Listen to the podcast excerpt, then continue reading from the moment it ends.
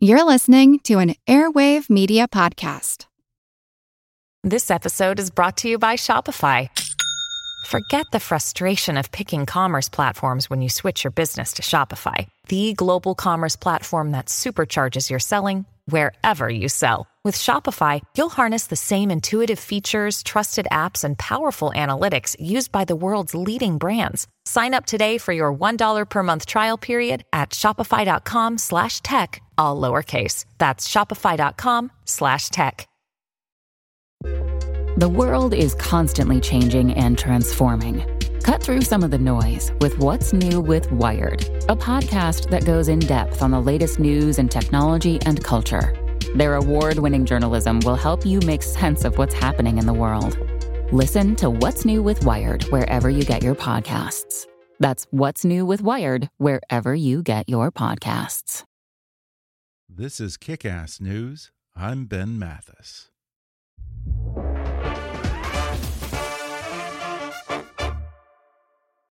Folks, I don't get obsessed with a lot of television series, but one show that blew me away from day one and has kept me on the edge of my seat for going on three seasons now is HBO's Westworld. Besides boasting a spectacular cast that includes Anthony Hopkins, Ed Harris, Thandie Newton, Jeffrey Wright, and Evan Rachel Wood, Westworld is epic in scale and features some of the best writing on television. It also gives viewers a glimpse of the not too distant future, both the good and the bad, that doesn't seem so far from the realm of possibility. Indeed, much of the technology portrayed in Season 3, from self driving cars to drone helicopters, is already in development right now. And there's yet another reason to love the new season of Westworld the addition of Vincent Cassel to the cast. The French actor, who has been one of the best parts of films such as Ocean's 11 and Ocean's 13, Eastern Promises, Black Swan, and Jason Bourne, plays a reclusive billionaire who might hold the fate of the human race in his hands.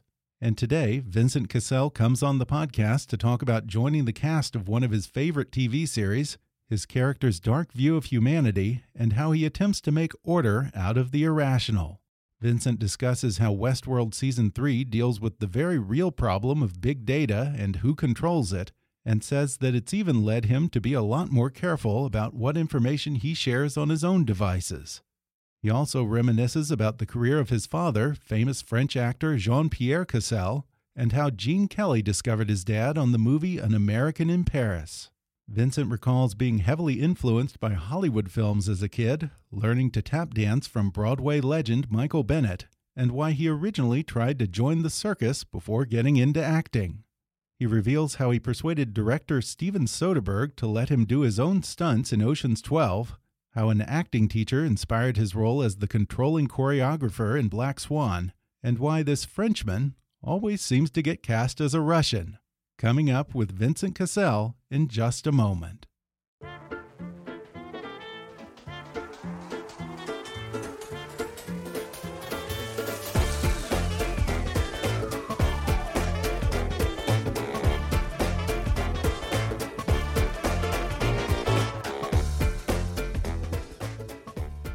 Actor Vincent Cassel has starred in many acclaimed movies in his native France, as well as Hollywood films like Ocean's 12, Ocean's 13, Eastern Promises, Black Swan, and Jason Bourne. Now he joins the season three cast of HBO's phenomenal series Westworld as a reclusive tech mogul intent on controlling humanity at the same time as he tries to stop robots from destroying humanity. Vincent Cassel, welcome. Hi, thanks for this uh, wonderful introduction.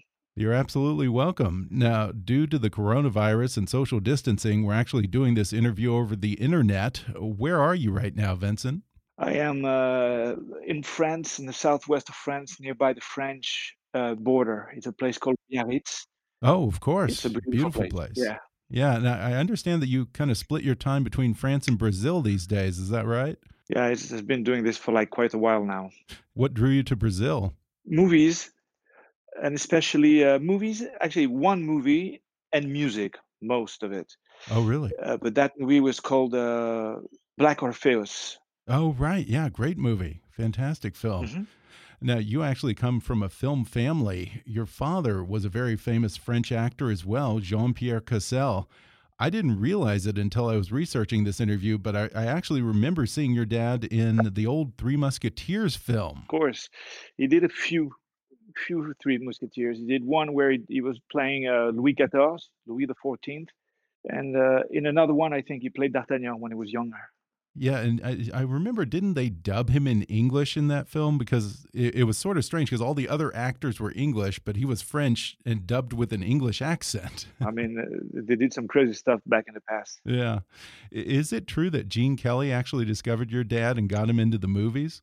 It's true because my, my father was known to be a really good dancer in the clubs in the 50s in Saint Germain des Prés and uh, he was uh, looking for some people who could dance around uh, in an American in Paris. So I think he was an extra on that one. Oh, really? No kidding. An American in Paris. Wow. And you're also no slouch as a dancer as well. I understand that you're a, classically trained ballet dancer. Is that right?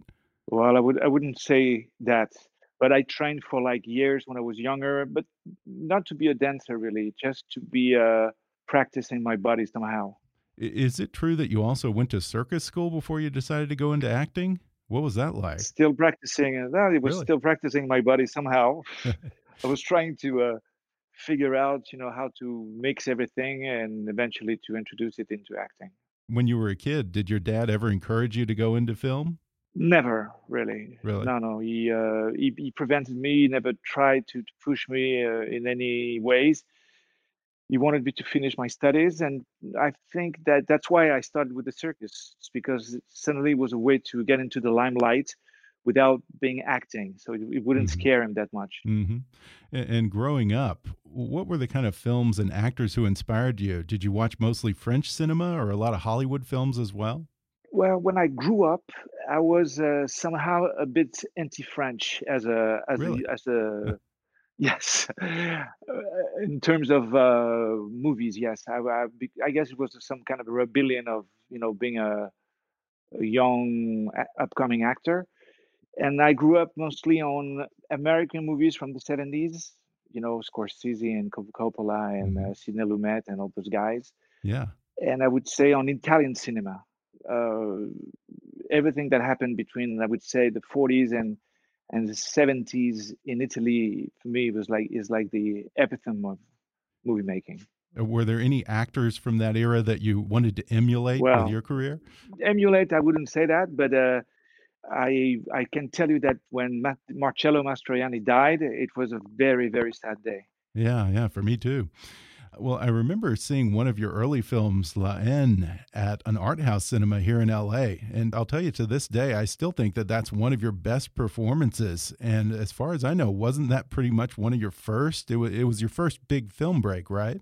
Yeah, film break definitely. But I was 28, 28 at the time already, and I was and I started in, in the business when I was like 17 so I was already somehow a seasoned actor. I mean, you know, doing a little stuff, theater, all this kind of mm-hmm. anything that I could, you know, any gig I could get, I would do it at the time. And then La Haine arrived and uh, really changed the game for me. And I read that you actually drew on a lot of your relationships with uh, French hip hop artists when you were preparing for that role. In fact, uh, isn't your brother a pretty well known rapper over there in France? Well, you have to realize that in 95 was really like the blossoming of French hip hop. And I would say hip hop in general around the world. Mm-hmm. And uh, my generation, so uh, the people were born around 60, 66 and 75, they we were in the middle of that, you know. Uh, yeah. Everything was about Spike Lee and Run DMC and Public Enemy and you know Really, even in France? That. Yeah. That's funny. I, I, I, didn't know that rap and hip hop were big in France, but my musical references it's are huge. so old. I, I kind of assume that everyone in France still listens to Edith Piaf and Yves Montand. so. No, no, no. Rappers can be inspired by them. Yeah, but there's a very, very strong uh, French hip hop scene still, still today. Yeah. And French filmgoers also knew you for your role as the infamous French bank robber Jacques Mesrine in, I think, two back to back films. Uh, is it true that you exactly. put on 40 pounds for that role? And how the hell did you do it? Because you're a pretty physically fit guy. well, it's something that I did. I did once. I guess you know it was it was my raging bull uh, fantasy, right? You know, and uh, and I did it, and uh, I was really proud of it but I wouldn't do it anymore because you know this is very bad for you. I can imagine. How do you put on that much weight? Well, you eat too much, and uh, to be honest, I had to be helped with a with a bit of medicine because I couldn't stop. You know, it's all about the insulin. So at, at the minute you change really that hormone, uh, your your body reacts totally differently to Yeah. to food and to and to fat and all that. Yeah. But it's that's why it's really not good for you. And I read that French audiences also know you as the French voiceover of Hugh Grant in most of his films. No, actually, I I did two. I did two of them. Oh, really? I did uh, for wedding and a funeral, and uh, and that was a really good movie. Actually, I really enjoyed doing it at the time Yeah. because as as I told you, uh, as a young actor, uh, I was I would do any kind of gig, and uh, dubbing was really good, and so uh, I did that for quite. I still do the the voice of uh, Diego in the Ice Age. Right, right. Uh, I did a lot of cartoons and stuff. You know, Yeah. another another string on the bow. Yeah. Wha what's the secret to doing a good Hugh Grant impression in French? Do you have to stutter a No, lot or what? Uh, well, in that movie in particular, he had to stutter a lot. But the funny thing is that if one day you you see the French version of it, and you have five minutes to listen, Yeah. I had a cold that day, Really? So my Hugh Grant is a little sick. Sounds kind of nasal, huh? Totally.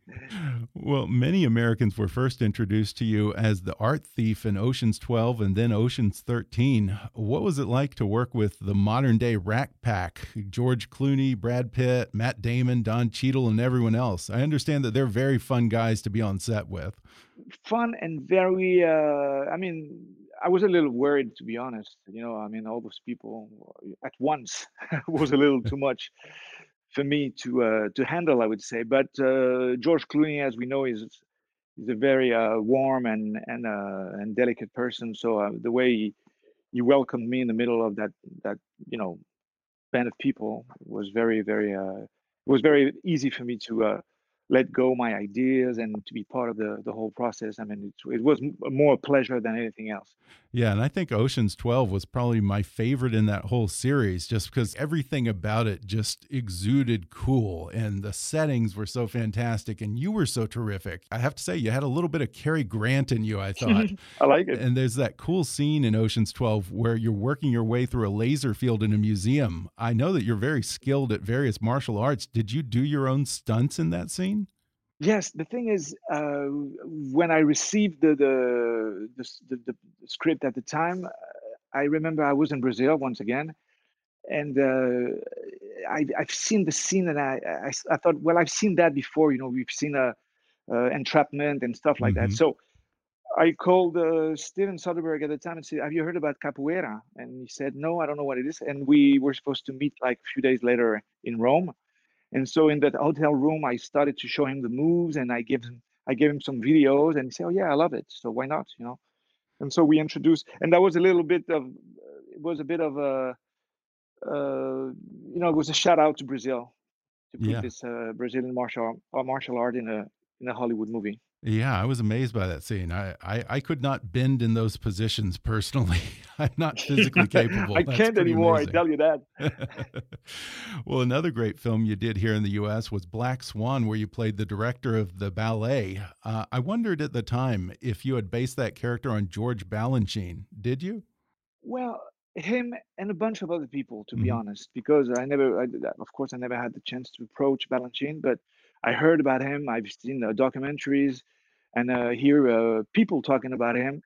But then I realized that it's something that I've seen before, and especially when I was really younger, I had uh, the opportunity to be really, really close to a, an American director from Broadway called Michael Bennett. Oh I don't yeah, know of if you course. heard about him. Yeah, he's a legend. Chorus Line, Dreamgirls, Ballroom, all that, all this. stuff Yeah. and uh, and I remember there, there was something like that about Michael in the sense that those guys are very tough, very hard, very demanding, hmm but in the same time they're so dedicated to what they do because this is the only way they exist that somehow it forgives them hmm forgives them a bit for their toughness. So instead of uh, portraying a predator, I thought I would say I was trying to portray a, an uncompromising uh, artist. What was the project that you worked with Michael Bennett on? Was that a, a Broadway project? Or no, what? I never worked with him. Oh, It's a okay. family story, really. Um my mother at the time uh, used to live with him. Uh, Oh, okay. she, she, uh, so she, I, I was, you know, I've, I've been a part of uh, a lot of the process. Yeah. He actually directed a little uh, dance number that I would do in the street when I was uh, 16. Really? No kidding. That's pretty impressive. Yeah, a tap dance number. So you tap dance as well, huh? I tap dance for a while. Yeah, Do a little bit of everything. exactly. That's that's the idea. And your mom was a journalist, is that right? She was a journalist. Yeah, and uh, in New York. That's why I had this close relationship with New York somehow. Uh, and I hanged out a lot in uh, in New York in the 80s, going to classes over there too, and you know, You are a man of many talents. You also speak a number of languages. How many languages do you speak these days? I would say five, Five. but three of them are Latin languages, so it's not that it's not that hard when you think about it. Right. But I, I also understand that you picked up conversational Russian when you were doing Eastern Promises. Uh, that's a lot harder than Latin Yeah, languages. because uh, the you know the American, I mean, let's say the English-speaking industry uh, had a tendency at the time to cast me as a Russian. I don't know why.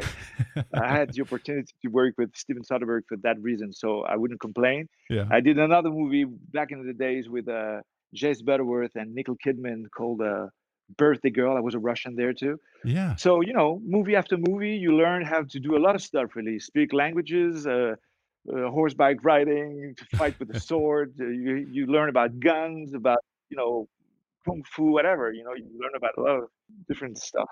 Yeah, I, I read in your bio that you said that you wanted to learn every skill that there is to prepare you for acting. And that's almost an old Hollywood studio mentality from Hollywood's golden age, where everyone who went into the studio system had to learn uh, fencing and dancing and singing. Exactly, and but everything. you know what?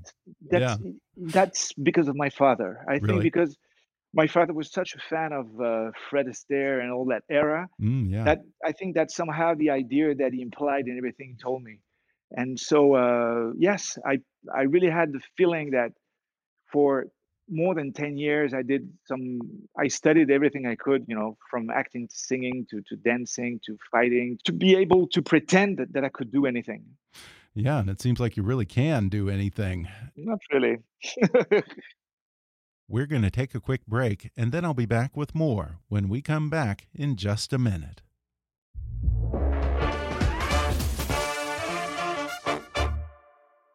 Right now, companies, governments, and pretty much any organization are being stalked by cybercriminals. And at some point, when the time is right, they will be successfully attacked by malicious actors seeking money, retribution, or political gain. Afternoon Cyber Tea with Ann Johnson provides insights for CISOs and key security decision makers who want to empower themselves with the information to ward off cyber attacks and the disruption they cause. Each week, Ann Johnson, Corporate Vice President for Cybersecurity Solutions at Microsoft, talks with the nation's top cybersecurity thought leaders and influential experts about what they're seeing and doing. She and her guests cover topics like election and national security, diversity in the cyber industry, and how a culture of information sharing is one of the best defenses. Join Ann to explore the risk and promise of tools and systems powered by AI, IoT, machine learning, and other emerging technology, and get ideas for strategies that can head off intrusions from malware to man in the middle. Afternoon Cyber Tea is available on Spotify, Apple Podcasts, and Podcast One. Subscribe now. I mentioned at the top that you recently joined the cast of HBO's Westworld in season three. I am already a huge fan of that show, and even more so in season three. And what a fantastic time for you to come into that series just as we're finally getting to see the world of the future outside of the Westworld theme park. Totally, yeah. And uh and but I didn't know about that when uh when they called me, you know. Oh, yeah? They, they presented me the character in a way that you know, they tell you a lot, but they don't tell you much in the same time because I guess sometimes they didn't know yet. You know, it's it's a it's a ever ever evolving kind of process of writing and creation with uh, Lisa Joy and and Jonah. and so it's it's a, it's a different way to work. I really enjoyed it, you know. But it's you don't control much, so you have to focus on what you have. Yeah, that's interesting because I guess as an actor, sometimes if you've read the whole season, it's hard for you to not play that role with the end game in mind. So eh, I guess it probably helps if they kind of slowly give you bits of information as you film. Huh? Yes, and plus, you know, some some stuff are obvious when you see them on screen, you know, with the right sound and everything. But on paper, when you know you've been talking to somebody for like two scenes and suddenly that person disappears because she wasn't really there right. And it's full of stuff here you know it's full of tricks like this in the in the in the narrative so yeah. it's easier to get it when you watch it than when you read it. Yeah. so at a certain point when you don't know everything and what you have is not really super understandable you i rather focus on what i have to say and you know to work on the character more than the story. Yeah that's smart. I have to say as a viewer I am constantly surprised by that show. I don't think there's a single episode where that show isn't way smarter than me. but especially last season, the, how the story jumped around in time a lot. Yes. Now I'm curious, does season three mostly follow a linear timeline? Uh, yes, a little more. Mm -hmm. I mean, you you'll discover. Which episode have you seen yet? Uh, I've seen the first four. You did. Oh, you've seen more than me. Oh, really? okay. yes, I've seen only one actually. To be honest. As we're taping this, I think that there have been two full episodes that have aired at this point. Now, so I'm a little bit ahead of everyone here. yeah. Uh, did you watch the first two seasons, and were you a fan of the series already? Yeah, totally. These are the uh, one of the few series that I've been uh, following from A to Z. And in the show, you play a mysterious tech mogul, and I hope I pronounced this right, named Enguerrand Serac. Uh, what can you tell yes. us about him? He is uh, very rich, very powerful, very smart and educated. He has very good intentions, except that he's ready to impose those intentions to the rest of the world without asking. mm -hmm. right. So he is he managed to uh, he managed to have the luxury of knowing everything about everybody, and nobody knows a single thing about him. In in the modern days, it's almost it's impossible actually. Yeah, that's so true. And it's interesting because a lot of fans and critics have really praised you in this new season. And when they do so, they're referring to Serac as the villain of this season. But I've found with Westworld, it's very hard to tell the good guys from the bad guys. And sometimes the good guys become the bad guys or vice versa. Yeah. It's all a question of perspective. Yeah, I wonder if you think it's a, a too simplistic a read on your character to just call him a villain this season. Well, you know, it's a, it's a big show, and we know what people are waiting for somehow. But mm-hmm. I've I've been specialized in in villains that you can understand and you can root for. That's the idea. Right. Right. So if it's a villain, if at least we can understand of you know why he's doing what he does, you know, that's already a lot. Uh, I suppose it all depends on whose perspective you're looking from. Uh, he's trying to stop Dolores from destroying the human race. I think those episodes have already aired, so I'm not giving anything away.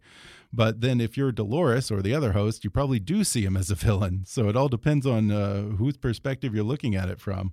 That's one of the really great thing about the show is that they make you root for machines. Mm -hmm and uh, this is that old perspective is totally messed up with uh with the first two seasons the fact that we shoot and and slaughter people you know but they're not people. Right.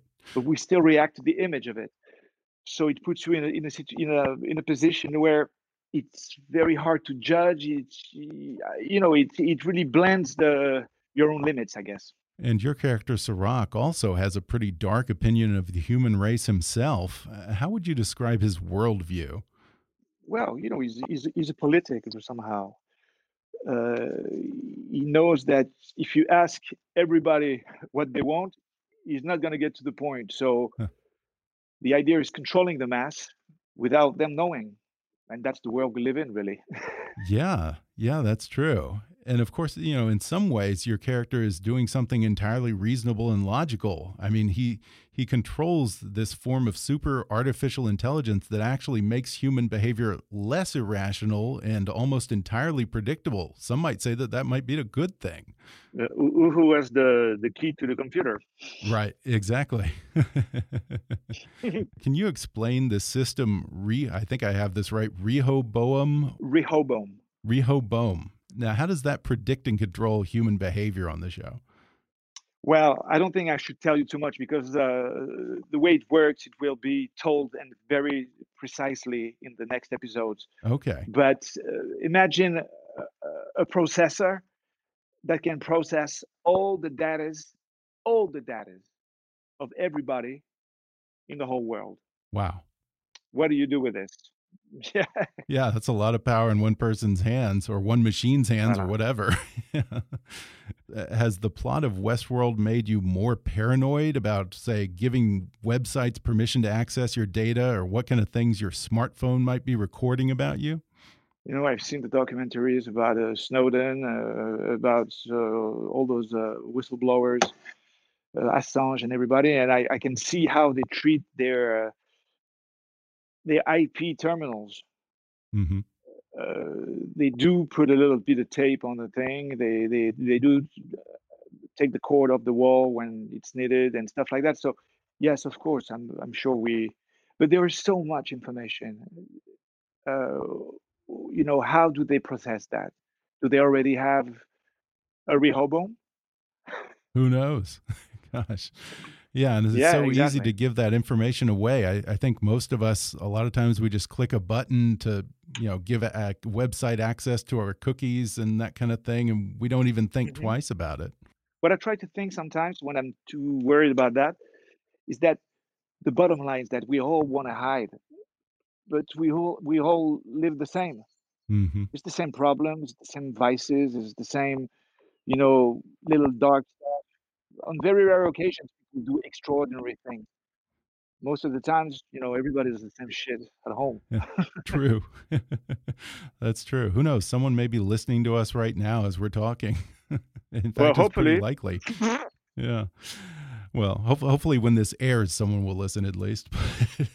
That's what I meant.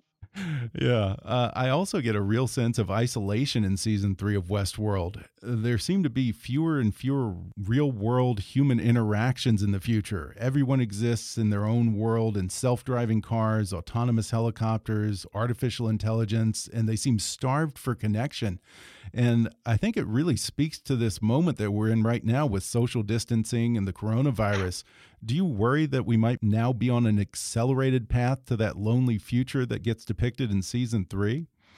In the cities, where yes, I guess after what we're going through right now, there will be a boom of people like hugging and kissing and wanting to go out and to enjoy the togetherness, yeah. at least for a while, like after the World Cup. Yeah, yeah, I certainly hope so and I don't want to give away too much here, but I have to say your beloved hometown of Paris does not fare well in the future either. So I don't want to know. Yeah. Well, season three of Westworld airs Sundays on HBO. Vincent Cassel, it was such a pleasure. Thanks a lot. Very nice talking to you. And have a take care of yourself and uh, stay home. You too. All right. Thanks, Vincent. Ciao.